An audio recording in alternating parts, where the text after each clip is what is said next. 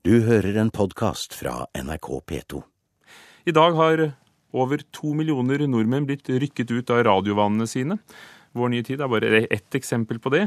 P1 har lagt om sendingene sine for første gang på nesten 20 år. Fire populære pro programmer er tatt av plakaten og erstattet av ni nye. Hvis du ikke allerede har gjort det, så kan du ta farvel med dette nå. Nok om det, der gikk det fine juleserviset i gulvet, og det gjør ingenting, for her er det fikser P1 og kan hjelpe deg med nytt, selvfølgelig. Hei, hei, jeg heter Margrethe Holt. Og ikke blir det mer av dette heller. Er forbudet mot søndagsåpent en arv fra gamle dager vi må kvitte oss med? Eller er butikkene mer enn åpne nok ellers i uka? Bli med på debatten. Ring nå 815 21 031. Dette er Rett på. Nå skal P1-lytteren høre på Rune Nilssons nye program på formiddagen. Og Rune Nilsson har ikke tenkt til å gå stille i dørene. På en måte så sparker jeg jo inn døra hjemme hos deg og stiller meg midt i stua di og begynner å prate, og det uten å være invitert engang. Og grunnen til at hele formiddagsflaten er gjort ledig for programmet Lunsj, er at distriktssendingene på formiddagen og ettermiddagen slås sammen til ett program. Et program som skal gå mellom klokken 14 og klokken 17. Og noen av distriktskontorene som har hatt samsendinger de siste årene, de skal nå ha sine egne sendinger.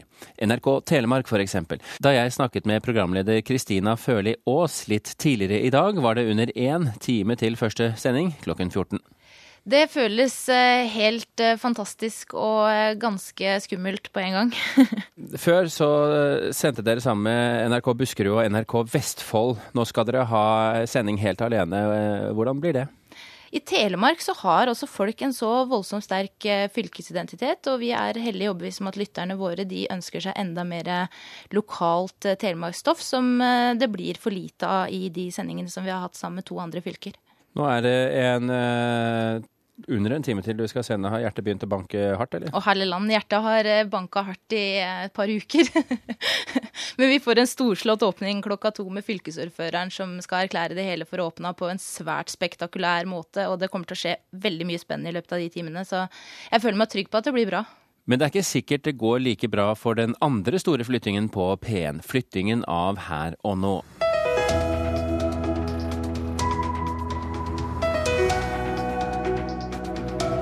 Dette er den nye lyddrakten til Her og nå, Norges største nyhets- og aktualitetsmagasin på radio, med over 600 000 lyttere hver dag, i hvert fall inntil i dag. Men kan man flytte et så populært program uten å hisse på seg lytterskaren? Til det er det egentlig bare ett riktig svar, antagelig? Nei. Sa reporter Birger Kolsrud Jåsund, og en som allerede har reagert, er deg, Lars Nyhre, førsteamanuensis i medievitenskap ved Universitetet i Bergen. Du kaller omleggingen av P1 for brutal i Dagsavisen i dag. Hvorfor det? Jo, jeg refererte først og fremst til lytterne sin opplevelse, som jeg innbiller meg på kort sikt vil føles veldig eh, Altså, det kommer en skikkelig endring her, og den kan trygt kalles brutal, tror jeg. Og hvis jeg kan tillate meg, så har jeg altså hørt på Her og nå eh, cirka fra, eller skrudd på klokka tre fra 80-tallet en eller annen gang. Jeg har vokst opp med det og fortsatt med det som student osv. Så, videre. så det er nesten som at jeg er en av de som skrur på stekeovnen når jeg hører jingelen til Her og nå.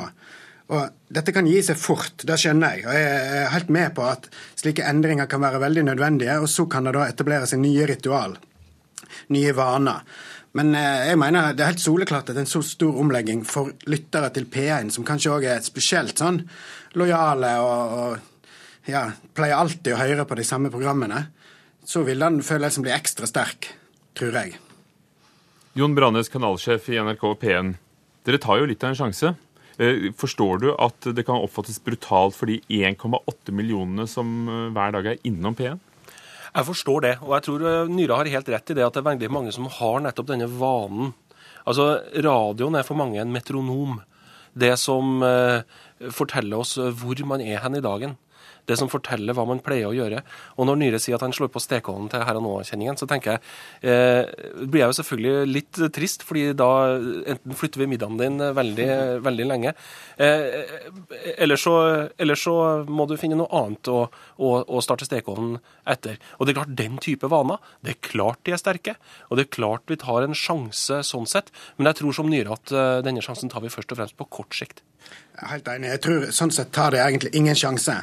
Folk vil etablere nye ritualer og nye vaner, og det er et overgangsfenomen hver gang et slikt ritual blir brutt. For Lars Nyhre, dette har jo skjedd mange ganger. Altså, først gikk jo her og nå over fra P2 til P1 i 1994 med trekanalsradioen. Sist her forsvant Morgenkasseriet fra P2. Mange var sinte på det. Dagsrevyen ble flyttet fra 1930 til 19. Mange var sinte på det. Eh, dette vil da skje hver gang. Men hva er det du mener er ille med det som Branes og hans kolleger gjør med P1? Ja, altså om det er ille, det er noe så, men at det er et kommersielt formspråk som NRK eh, mestrer jeg vet ikke om jeg skal si stadig bedre, for jeg tror NRK-folk er veldig flinke uansett.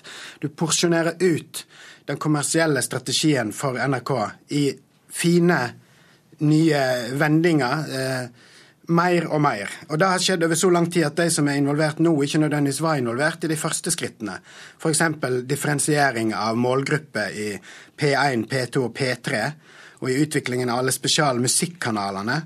Og Noe av dette er for så vidt på sida av det vi diskuterer i dag, men at, at, programmene Du kan ikke kalle det program lenger heller, du må kalle det eh, sendeflatene. Er F.eks. musikken er sentralstyrt av eh, av de som eh, styrer med musikken på vegne av alle i NRK, og programlederen bestemmer ikke lenger musikken. Du har eh, tre minutter musikk, tre minutter prat i omtrent alle program som finnes på NRK, bortsett fra det som er veldig seint på kveld eller tidlig på morgenen. Og det du sitter og snakker i nå. Men, ja. men uh, før Brannes får svare på, på, hvorfor de lager radioen som de gjør, uh, hva mener du med kommersialisering? For NRK tjener jo ikke penger avhengig av, av, av hva vi lager. Jeg skjønner det. Det kan muligens være klumsete ordbruk fra min side, faktisk, som Dagsavisen tok fatt i for alt det var verdt. Men jeg mener i hvert fall at det er et kommersielt formspråk, i den forstand at her henvender en seg til folk i stadig større grad med de virkemidlene som kommersielle radiokanaler og fjernsynskanaler har brukt veldig lenge. Slik at i USA for eksempel, så har det vært kommersiell radio ja, i, liksom i 80 år. Og de har gjort omtrent alt det her i veldig, veldig lang tid. BBC er ikke kommersielt, men de har hatt, i hvert fall noen av kanalene, sånn som Radio One, hatt et veldig slikt kommersielt, da, i gåsehauget, formspråk veldig lenge. Men jeg, naturligvis... Og, og nå mener du at synden er kommet til Norge? Nei, jeg sier at den har kommet sakte, men sikkert, som eh, mange andre synder. Men nå må vi snart gi ordet til Jon Brannes her. For så vidt, Jeg har ikke noe imot Nyres analyse. Jeg tror det er riktig på veldig mange punkter.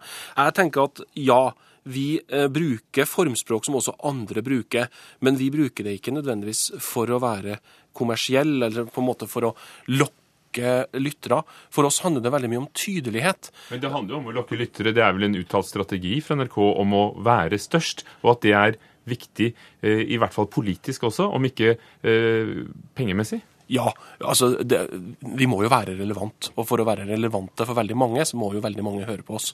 Og hvis ikke vi er relevante som lisenskringkaster, da sliter vi jo litt. Men både politisk og, og oppslutningsmessig. Betyr Men, at omlegging nå er for å sikre de høyeste lyttertallene for P1? Det, det, omleggingen er for at NRK P1 fremdeles skal være en tydelig kanal. Og sånn sett ikke nødvendigvis Altså, vi er jo så svær i det norske radiomarkedet.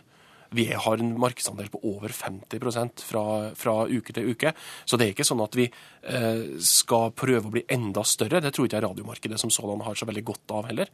Men vi må fortsatt jobbe med å være tydelige, og det gjelder jo også NRK P2 og de andre NRK-kanalene våre.